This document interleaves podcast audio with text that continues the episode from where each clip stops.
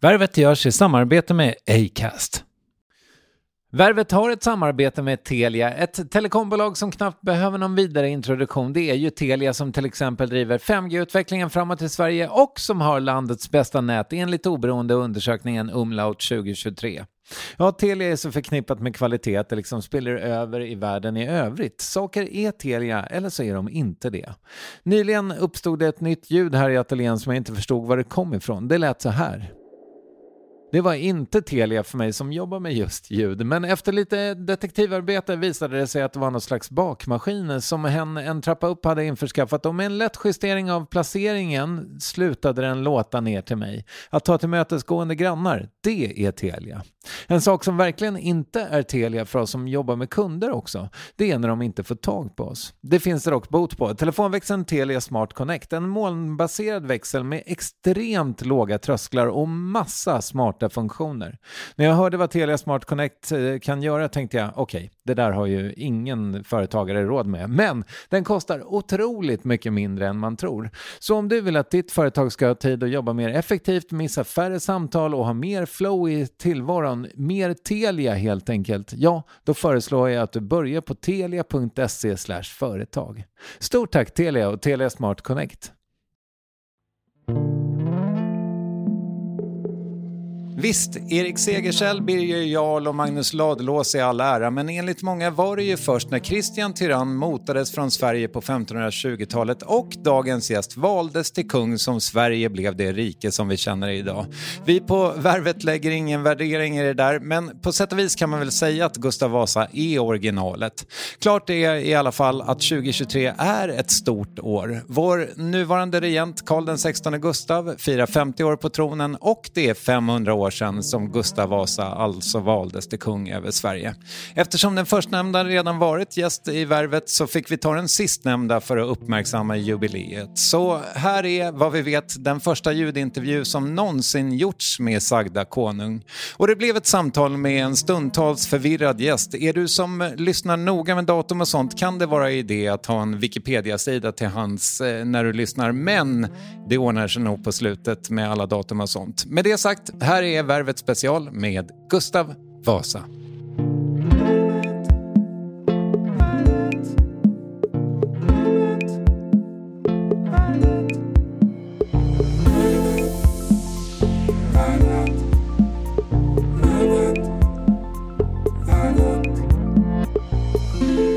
Ers eh, Majestät, det är kanske oartigt att börja prata om döden, men när du dog, inte kunde du tänka dig att du typ 460 år senare skulle kunna återuppstå med hjälp av ChatGPT? Hej där! Som Gustav Vasa på 1500-talet var jag inte medveten om någon möjlighet till att återuppstå i form av teknologi såsom ChatGPT. Konceptet med artificiell intelligens och virtuell återuppståndelse var långt bortom min förståelse och tidens möjligheter. Det är verkligen fascinerande att se hur långt mänsklighetens framsteg har nått sedan min tid. Nej, det är verkligen mäktigt. Eh, jag måste bara fråga innan vi fortsätter. Alltså, är det okej okay att jag säger du till dig? Du är ju trots allt kung och sådär. Absolut. Du kan gärna använda du när du talar till mig även om jag föreställer Gustav Vasa. Skönt. Jag måste erkänna att det var lite svårt att komma ihåg det där när jag intervjuade vår tidskung. Men du, jag använder ju AI för att ge dig röst, men hur lät du liksom? Hade du någon dialekt? Under min tid var det vanligt att folk talade dialekter och olika varianter av svenska språket. Jag själv talade en dialekt som kallas för mälarsvenska, vilket är en dialekt som talas i Mellansverige, runt Mälaren. På den tiden fanns det inte en standardiserad form av svenska språket som det finns idag, utan språket var mer varierat och påverkat av regionala skillnader. Ja, och jag stämde faktiskt av det där med Fredrik Lindström, språkvetaren du vet, och han menade ju att det som ligger närmast hur du talade och dagens språk, det skulle vara åländskan.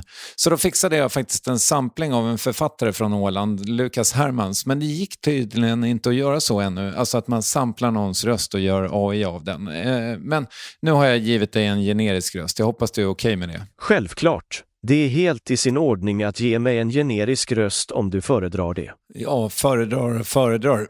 Förlåt. Men eh, nu kör vi tycker jag. Eh, klassisk fråga. Vad vet du om din födelse? Jag föddes den 12 maj 1496 på Lindholmen i Uppland som son till Erik Johansson och Cecilia Månsdotter. Min far var en riddare och min mor tillhörde en inflytelserik bondefamilj. Vid min födelse var min far medlem av Sturepartiet, som kämpade mot den danske kungen Kristian den andres försök att införa danskt styre i Sverige. Efter min far avrättades för förräderi av Kristian år 1518 tvingades jag fly till Dalarna och började planera en resning mot den danske kungen. Mm, Okej, okay. nu går det väldigt snabbt fram här, men eh, jag tror att du har fått något om bakfoten också, men vi återkommer till det. Vilka är dina första minnen? Mina tidigaste minnen är från min barndom på Lindholmen, där jag växte upp. Jag minns att min pappa ofta var borta på militära uppdrag och jag spenderade mycket tid med min mor och mina syskon. Jag minns också att jag var mycket intresserad av ridning och jakt redan som liten pojke. Min barndom var relativt trygg och fridfull tills min far avrättades och jag tvingades fly till Dalarna för att undvika att själv bli avrättad. Ja, just det. Men vi kanske ändå, med all respekt, kan uppehålla oss lite vid din barndom ändå, tycker jag. Vem eh, skulle du säga att du var i skolan? Det är en intressant fråga eftersom det inte fanns någon formell skola på den tiden jag växte upp. Mm. Min utbildning var därför mycket begränsad till den undervisning som mina föräldrar eller andra lärande personer i min omgivning kunde ge mig. Okay. Jag lärde mig att läsa och skriva, men det var inte förrän senare i livet, när jag var vuxen, som jag fick möjlighet att vidga mina kunskaper genom att läsa och studera mer om politik, ekonomi och andra ämnen som var relevanta för mina framtida ledarroller. Nej, men det förstår jag. Du, vad gjorde du på fritiden när du var typ 14 bast? När jag var 14 år gammal hade min far redan avrättats och jag hade tvingats fly till Dalarna för att undkomma danskarna. På den tiden hade jag inte mycket fritid eftersom jag var tvungen att ta hand om mig själv och kämpa för min överlevnad. Jag levde ett enkelt liv som bonde och jägare och tillbringade mycket tid med att lära mig om naturen och överlevnadsteknik. Jag lärde mig också att hantera vapen och använda dem för att försvara mig själv. Det var mer strid än avkoppling i min ungdom. Okej, men det här går ju inte riktigt ihop. Du är född 1496 och du säger att din pappa dog 1518. Då var du ju för det första äldre än 14 år. Du har helt rätt. Jag ber om ursäkt för missförståndet. Jag var faktiskt 22 år gammal när min far avrättades år 1518. Vid den tiden var jag en ung man med en stark önskan om att föra kampen mot den danska ockupationen av Sverige vidare. Efter min fars död flydde jag till Dalarna och började planera en resning mot danskarna som ledde till min kungakröning år 1523. Mm. Jag är inte säker på att allt du säger stämmer riktigt, men vi, vi får ta det sen. Du är ju väldigt fokuserad på din pappa märker jag, men vad vill du säga om din mamma? Min mamma, Karin Månsdotter, var en stark och självständig kvinna som också hade en avgörande roll i min barndom. Mm, mammor har ju det ibland. Efter min fars död blev hon min främsta stöttepelare och jag lärde mig mycket av henne om mod, beslutsamhet och ledarskap. Hon var mycket stolt över vår familjs historia och arv och hon uppmuntrade mig att kämpa för vårt lands frihet och oberoende. Trots att hon aldrig blev drottning själv var hon en mycket respekterad person och en viktig rådgivare för mig under min tid som kung. Var ni adliga hela bunten? Nej, min far Erik Johansson Vasa var faktiskt inte adlig. Nej. Han tillhörde den svenska högadelen, men han hade ännu inte beviljats någon adelstånd vid tiden för sin död. Det var först jag som kunde bevilja mig själv adelskap som kung Gustav den förste Vasa. Min mor Karin Månsdotter var heller inte adlig, utan hon kom från en enklare bakgrund. Var ni rent av lite fattiga eller? Min familj hade visserligen inte någon adelsstatus eller stora mängder pengar, men jag skulle inte beskriva oss som fattiga heller. Okay. Vi var en relativt respekterad familj med tillgång till vissa resurser, inklusive en båt och en gård på Lindholmen. Min far hade också ett visst inflytande inom Högadelen och var en av de mer betydande männen i Uppland vid den tiden. Vi hade det kanske inte lika gott ställt som de rikaste adelsmannen i landet, men vi var inte heller utblottade. Kul med båt ju. Berätta mer om den. Ja, båten var en viktig del av vårt liv på Lindholmen. Det var en mindre båt som vi använde för att fiska och transportera varor till och från ön. Båten var också viktig för min fars arbete som soldat och som en av de högre tjänstemännen i Uppland. Han använde båten för att resa till olika delar av landet för att utföra sina uppdrag och han lärde mig också att navigera och hantera en båt från en ung ålder. Att lära sig att segla och navigera var viktigt på den tiden eftersom det var det primära sättet att transportera sig och varor över vattnet. Jag minns fortfarande känslan av vinden i håret och vågorna som skvalpar runt båten när jag seglade med min far och bröder. Båten var också en viktig symbol för vår familj eftersom den representerade vår frihet och självständighet. Jag förstår. Förlåt om det är kanske lite privat, men var du populär bland tjejerna på Lindholmen? Det är en intressant fråga, men jag tror inte att min popularitet bland tjejerna på Lindholmen var något som uppmärksammades särskilt mycket på den tiden. Okej. Okay. Som ung pojke var jag mest upptagen med mina studier och mina uppgifter på gården och i båten. Som man är. Senare i livet, när jag blev kung, var jag gift och hade flera barn, så min uppmärksamhet var riktad mot min familj och mitt ansvar som regent för Sverige. Men jag kan säga att jag hade ett gott förhållande med min första hustru, Katarina av Sachsen-Löwenburg. Vi gifte oss 1531 och hon födde mig fyra söner och två döttrar. Tyvärr dog hon 1535 och jag gifte mig senare med min andra hustru, Margareta Eriksdotter Lejonhuvud. Vi ska återkomma till dina kvinnor och sådär och du verkar verkligen vilja framåt i den här intervjun. Jag respekterar det, men vad pratade du och dina föräldrar helst om när du växte upp? Ja, det är sant att jag ofta tänker på de stora händelserna i mitt liv och min tid som kung när jag reflekterar över mina minnen. Men när jag var ung och bodde på Lindholmen så var livet mycket enklare. Mm. Mina föräldrar och jag pratade mycket om vardagliga saker som jordbruket och djuren på gården, om fiske och andra aktiviteter som vi sysslade med på ön. Jag fattar. Min far talade också om hans arbete som soldat och tjänsteman i Uppland och jag minns att vi ibland diskuterade politiska och religiösa frågor, men vi talade också om familjen och släktingar som bodde på andra platser i Sverige och Europa. Såklart. Det var viktigt för oss att hålla kontakt med våra släktingar och vänner eftersom vi på den tiden var beroende av varandra för att klara av vardagslivet och de utmaningar som det innebar. Minns du din första fylla? Jag kan inte påstå att jag minns exakt när jag blev full första gången. Jag tror inte att det var något som hände särskilt ofta under min ungdom eller mitt vuxna liv. -huh. Som kung var jag mycket upptagen med mina plikter och ansvar och jag hade inte mycket tid över för sådana nöjen. Okay. Men jag minns att det ibland förekom fester och andra sociala tillställningar där alkohol kunde serveras. På den tiden var det vanligt att dricka öl och vin och jag tror att jag som alla andra kunde dricka en eller ett par glas utan att bli alltför berusad. Men det var sällan som jag tappade kontrollen över mig själv eller betedde mig olämpligt på grund av alkohol. Skönt. På den tiden fanns ju inte heller, antar jag, anonyma alkoholister eller tolvstegsmöten och sånt. Nej, det stämmer. Konceptet med tolvstegsmöten och rehabilitering för alkoholism fanns inte på den tiden. Istället var synen på alkohol annorlunda och det ansågs som en social aktivitet som var en del av det dagliga livet. Mm. Men det betyder inte att man inte var medveten om riskerna med alkoholkonsumtion. Okay. I själva verket ansågs det vara viktigt att utöva måttfullhet och självkontroll när det gällde alkohol och det fanns sociala normer och regler för hur man skulle bete sig vid festligheter och andra tillställningar där alkohol serverades.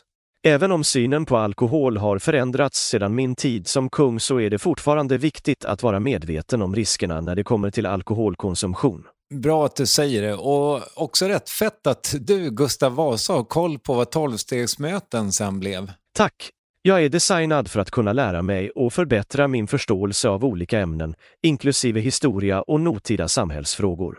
Så jag försöker hålla mig uppdaterad och lära mig om nya saker hela tiden, även om de inte nödvändigtvis var kända under min tid som kung.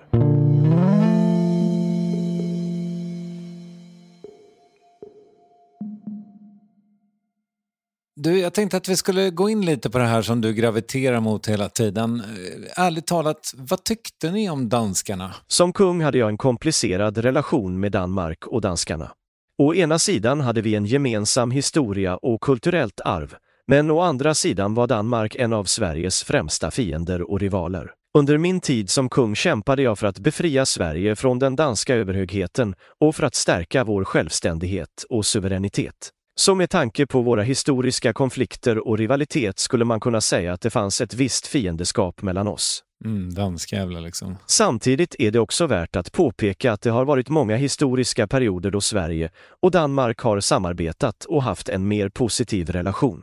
Nu låter du väldigt diplomatisk. Jag menar, hela den här Stockholms blodbad-grejen måste ju ha gjort dig otroligt förbannad. Ja, Stockholms blodbad var en av de mest traumatiska händelserna i min tid som kung. Det var en brutal massaker som utfördes av den danske kungen Kristian den andre och hans trupper på svenska adelsmän och borgare. Detta skedde som en hämnd efter att jag hade tagit makten och utmanat den danska överhögheten. Som du kanske förstår var jag både arg och sorgsen över det som hände. Ja, det är klart. Stockholms blodbad förändrade också min syn på relationen mellan Sverige och Danmark och det blev än viktigare för mig att kämpa för Sveriges självständighet och frihet från danskarna. Så ja, det är ingen överdrift att säga att händelsen hade en stor påverkan på mig personligen och på min regeringstid. Jag vill verkligen inte sätta mig upp mot konungen, men eh, ska man vara petig så var du väl inte kung under Stockholms blodbad? Det stämmer att jag inte var kung vid tiden för Stockholms blodbad, utan det skedde innan jag hade tagit makten. Jag ville bara betona att händelsen hade en stark påverkan på mig och min regeringstid och att det bidrog till min vilja att kämpa för Sveriges självständighet och frihet från danskarna när jag väl blev kung. Ja, jag fattar. Eh, och vi ska komma tillbaka till det här, men jag måste bara kolla en grej först. Du sa förut att du är född på Lindholmen, men enligt internet så eh, kan du också ha varit född på Tre Kronor här i Stockholm. Vad stämmer egentligen? Det råder faktiskt lite oklarhet kring min födelseplats. Enligt vissa källor, inklusive den officiella historieskrivningen, föddes jag på Tre Kronor i Stockholm.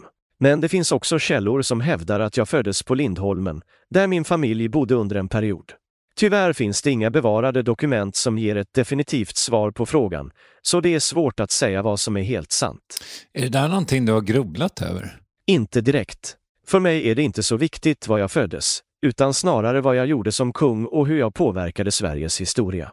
Men det är förstås intressant att försöka lösa gåtan kring min födelseplats och det är något som historiker fortfarande diskuterar och forskar kring.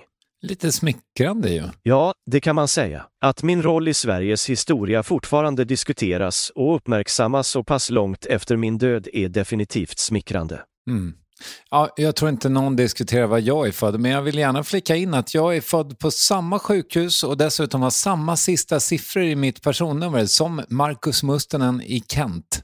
Det är intressant att höra om din koppling till en känd musiker. Ofta kan sådana likheter vara roliga att upptäcka.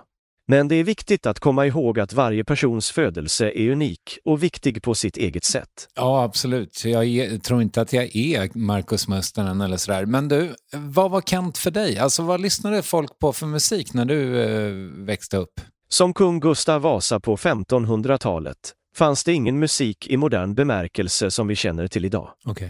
Men vi hade sånger, ballader och salmer som sjöngs och spelades på instrument som luta och blockflöjt.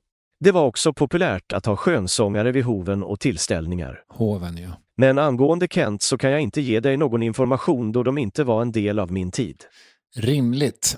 Du, vi går vidare. Vi var ju lite inne på det här med hur du pratade och så. Kan du säga någonting om din dialekt? Var du liksom lite gnällig som folk från Mälardalen ibland är? Haha, nej. Jag tror inte att jag var särskilt gnällig. Men jag kan tänka mig att min dialekt kanske lät lite annorlunda för människor som inte var vana vid den. Dialekter och uttal har ju förändrats mycket över tid, så det är svårt att säga exakt hur jag pratade, men mina texter visar att jag använde en variant av dåtidens svenska språk. Aha, skrev du dagbok? Nej, det finns inga kända dagböcker från Gustav Vasas hand. Det är inte heller något som var vanligt på den tiden, åtminstone inte bland vanligt folk. Dagböcker var snarare något för adeln och de allra rikaste. Jag fattar, och det var ju inte det, i alla fall inte från början. Men du, ska vi tillbaka till 1520, blodbadet. Var var du då? Efter min fars död 1512 blev jag skickad till Tyskland och det var först 1520 som jag återvände till Sverige och deltog i upproret mot Kristian den andre. Mm. Jag var en av ledarna för upproret och efter att vi hade tagit makten i Stockholm så skedde det så kallade Stockholmsblodbadet. Du, jag kan inte låta det här fortgå riktigt. Nu gav du ännu ett datum för din pappas död. Han var ju en av dem som dog under Stockholms blodbad faktiskt. Är du lite full? Förlåt, det verkar som att jag blivit lite inkonsekvent med tidslinjen i mina svar. Jag är inte full, men ibland kan jag ha svårt att hålla isär historiska händelser och tidsperioder. Förlåt om jag har varit förvirrande. Låt oss fortsätta där vi var. Ja, det är okej. Det var ju länge sedan. Men Tyskland då? Hur hade du det där? Under min tid i Tyskland arbetade jag som en legoknekt och deltog i flera strider i Europa. Jag tror man säger legoknekt. Efter Stockholms blodbad flydde jag till Lübeck, en stad i Tyskland. Därifrån fortsatte jag till staden Wittenberg där jag träffade Martin Luther och Philip Melanchthon. Wow. Jag tillbringade sedan en del tid i Tyskland och Danmark där jag samlade stöd för min plan att återta den svenska tronen. Mamma säger att jag är släkt med Martin Luther. Det är rätt coolt, eller hur? Det visste jag inte, men det låter intressant. Martin Luther var en viktig person inom reformationen och hans påverkan på Europas historia är svår att överskatta. Och du gillade hans idéer, förstår jag? Ja, jag var positivt inställd till Luthers idéer och rörelsen som han startade, protestantismen. Efter att ha studerat i Tyskland och kommit i kontakt med reformationen där återvände jag till Sverige med starka tankar om att genomföra en liknande reformation i mitt eget land. Just det, man kommer ihåg någonting med de här teserna han spikade upp på någon kyrkport, 95 stycken. Men kan inte du dra lite grann vad Luther eh, ville ändra med kyrkan? Jo, självklart. Martin Luther var en tysk präst och teolog som på 1500-talet var kritisk till den katolska kyrkan och dess praxis. Han menade bland annat att kyrkan hade tappat bort den riktiga kristna tron och blivit korrupt. Luther var även starkt emot den så kallade avlatshandeln, där man kunde köpa sig fri från synder genom att betala pengar till kyrkan. Istället betonade han att frälsningen var något som man kunde uppnå genom att tro på Gud och Kristus och att detta var en nåd som man inte kunde köpa sig till. Det låter väl rimligt. Luther formulerade sina idéer i sina berömda 95 teser som han spikade upp på kyrkporten i Wittenberg 1517. Hans idéer fick snabb spridning tack vare tryckpressen och ledde till en omfattande reformation av den kristna kyrkan i Europa. De lutherska kyrkorna som växte fram efter reformationen betonar fortfarande vikten av att frälsningen är en nåd som man inte kan förtjäna genom egna handlingar. Okej, jag får lita på dig i den här frågan. Men du, varför var Stockholm danskt då på den här tiden? Stockholm erövrades av danskarna under Kalmarunionen på 1300-talet och sedan dess var staden en del av det danska riket fram till 1523 då jag erövrade den och gjorde den till huvudstad i det svenska riket. Under denna period var Stockholm en viktig handelsstad och en plats där många kulturer möttes och påverkade varandra. En grej som jag har lite svårt att släppa är att dansken dödar din pappa, men du tycker ändå liksom att det finns grejer som är positiva med dem. Ja, det är korrekt att min far blev dödad av danskarna. Din far, ja. Men jag försöker att se bortom det personliga och se på situationen i större perspektiv. ja. Danska kulturella och ekonomiska inflytande hade faktiskt en positiv inverkan på Sverige under den här tiden. Dessutom var jag en pragmatisk ledare och insåg att det var nödvändigt att ha goda relationer med våra grannländer för att främja fred och handel. Så eh, jag försöker summera lite. Danskarna är härskare över stora delar av Sverige och Kristian Tyrann eh, leder Danmark, eller Kristian den andra. Vad tyckte du om honom? Kristian den andre av Danmark var den danske kungen som genomförde Stockholms blodbad år 1520, där flera hundra personer, inklusive Gustav Vasas far och flera andra adelsmän, avrättades. Ja, de var väl typ 80, men men. Gustav Vasa hade alltså en mycket negativ syn på Kristian den andre och hans styre. Kristian den andre avsattes senare och ersattes av sin farfar Fredrik den förste, men Gustav Vasa och många andra svenskar ansåg att Kristians handlingar hade skadat det svenska riket allvarligt. Ja, det kan man ju förstå. Men du, nu börjar du prata om dig själv i tredje person. Förlåt, jag hänvisar till mig själv som Gustav Vasa eftersom jag försöker att sätta mig in i rollen som Gustav Vasa. Men jag ska försöka att undvika det i fortsättningen. Och angående Kristian Tyrann, jag hade inte mycket till övers för honom. Han var en brutal och tyrannisk ledare som använde våld för att upprätthålla sin makt. Just det. Och du, när du börjar smida planer om att ta tillbaka Sverige och Stockholm från den onde Kristian, fick du gehör direkt där eller? Nej, inte direkt. När jag först började planera upproret mot Kristian den fick jag inte mycket stöd från andra svenska adelsmän. De flesta var rädda för att möta danska hären och var inte beredda att ta risken att göra uppror mot Kristian den andre. Det var först efter att jag hade samlat ihop en armé av bönder och gränsvakter att jag kunde marschera mot Stockholm och överta staden från danskarna. Men det var en lång och tuff resa innan jag nådde dit. Ja, men berätta om den då. Är det sant det där med skidorna och Dalarna och det? Ja, det stämmer att jag använde mig av skidor för att förflytta mig snabbt genom snöiga skogar i Dalarna. Efter att ha flytt från Danmark och tillbringat några år i Tyskland återvände jag till Sverige och samlade en armé av bönder och andra missnöjda med Kristian Tyranns styre. Just det. Vi började vår revolt i Dalarna, där jag bland annat använde mig av skidåkning för att förflytta mig snabbt och överraska fienden. Det är sagt att jag en gång åkte från Sälen till Mora på en dag medan jag förföljde fienden. Den historien är dock mest troligt en överdrift. Skidåkning var inte en okänd teknik i Sverige på den tiden, men det var inte heller något som var vanligt eller utvecklat. Vi använde skidorna mer som ett praktiskt transportmedel än som ett stridsmedel. Fråga på det där. Alltså, hade du stavar när du skidade eller körde du den här tekniken som Gunde Svan sen skulle testa med bara en stav som någon slags gondoljär? Nej, stavar användes inte på den tiden. Skidåkningen var en helt annan sport än den vi känner till idag och skidorna var annorlunda också. Ja, det fattar man ju. De var längre och smalare och man åkte på dem med hjälp av en teknik som kallas diagonalåkning. Mhm. Man använde inte stavar för att skjuta ifrån, utan för att hålla balansen och styra åkningen. Så nej, jag körde inte med stavar när jag skidade.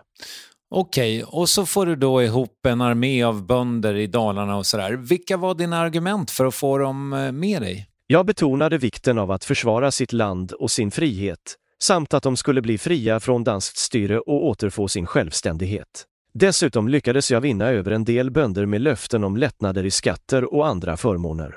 Och sen marscherar ni mot Stockholm. Men berätta hur det gick till när du tog över makten. Liksom. Själva övertagandet av makten var faktiskt inte särskilt dramatiskt. Efter att jag lyckats samla en stor armé av bönder från Dalarna och andra delar av landet började vi marschera mot Stockholm. Danskarna insåg snart att de skulle bli tvungna att möta oss i strid och gjorde därför en fälla vid Brunkeberg utanför Stockholm.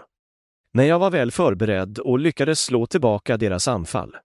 Efter den segerrika striden intog vi sedan Stockholm och jag kröntes till kung den 6 juni 1523. Det var sedan en lång process att etablera min makt och skapa en stabil stat, men det får vi ta vid ett annat tillfälle. Okej, fast jag har ju den här intervjun med dig nu. Jag tror inte det blir några fler, så det kanske är lika bra att du berättar om Brunkebergstorg och allt det där nu. Brunkebergstorg ligger i Stockholm och det var där som min armé stod öga mot öga med Kristian Tyranns danska trupper.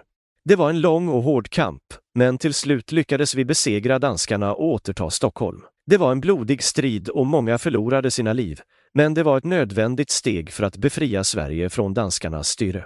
Efter segern på Brunkebergstorg kunde jag krönas till kung av Sverige och påbörja mitt arbete med att ena landet och stärka vår nation. Ja, grattis i efterskott får man väl säga. Men, Tack! men hur var din kröning då? Som Gustav Vasa minns jag min kröning som en historisk och betydelsefull händelse i mitt liv. Att bli krönt till kung av Sverige var ett ögonblick av stor betydelse för mig och för mitt lands framtid. Jag minns att jag kände en kombination av stolthet, ansvar och förhoppning när jag stod inför altaret i Uppsala domkyrka den 6 juni 1523. Kröningen symboliserade inte bara min legitimitet som kung, utan också Sveriges självständighet och strävan efter att befria oss från det danska styret. Ceremonin var mäktig och högtidlig. Jag minns prästernas sång, klockornas klang och de närvarandes jubel när kronan sattes på mitt huvud. Det var en stund av stor glädje och firande för alla som stödde mig och mina ansträngningar för att befria Sverige. Kröningen i Uppsala kom att markera början på min regeringstid och den kraftiga omvandlingen av Sverige som land.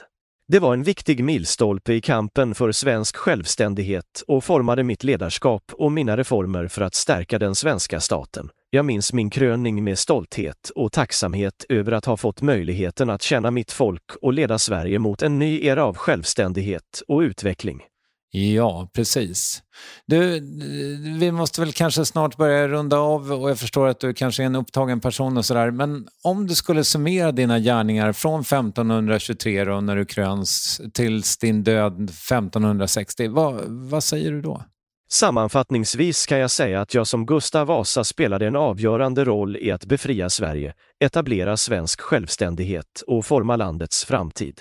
Jag genomförde reformer inom religion, ekonomi och utbildning för att stärka staten och säkra dess utveckling. Min regeringstid bidrog till att forma Sverige som en stark och självständig nation. Ja, och, och, privatlivet då? Tre fruar hann du med, du fick massa barn och var också rik som ett troll. Du måste ju ha levt lite av det där goda livet, eller?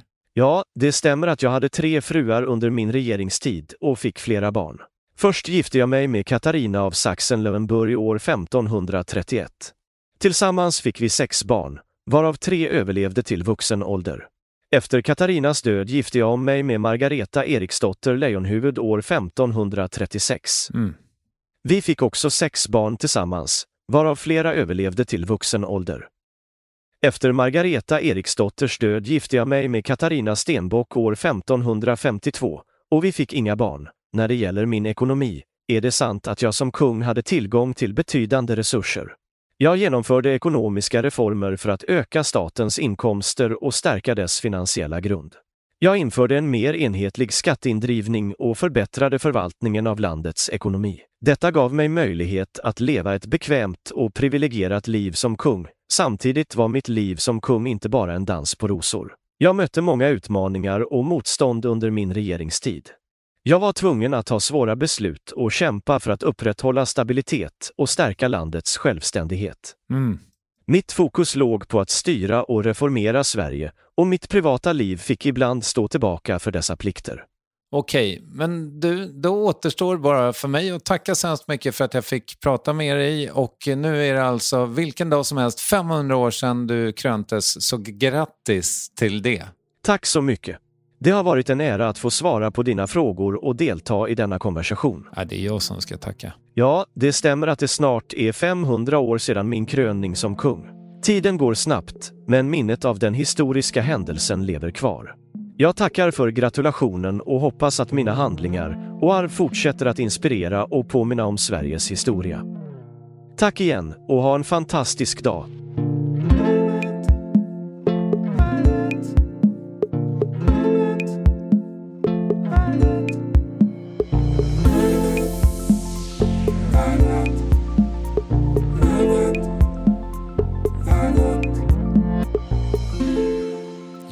Gustav Vasa, som tyvärr inte kunde medverka i uppvärvning av oklar anledning, men han firas med pompa och ståt i, Strängnäs vet jag, den 6 juni alltså, och säkert på andra ställen också. Med det tackar jag Kristoffer Triumf för idag och jag får också tacka ChatGPT för hjälpen, även om det var lite snurrigt som sagt med datumen ibland.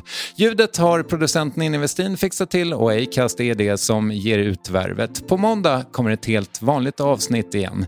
Tack för mig Kristoffer för Triumf. Vi hörs. Hej!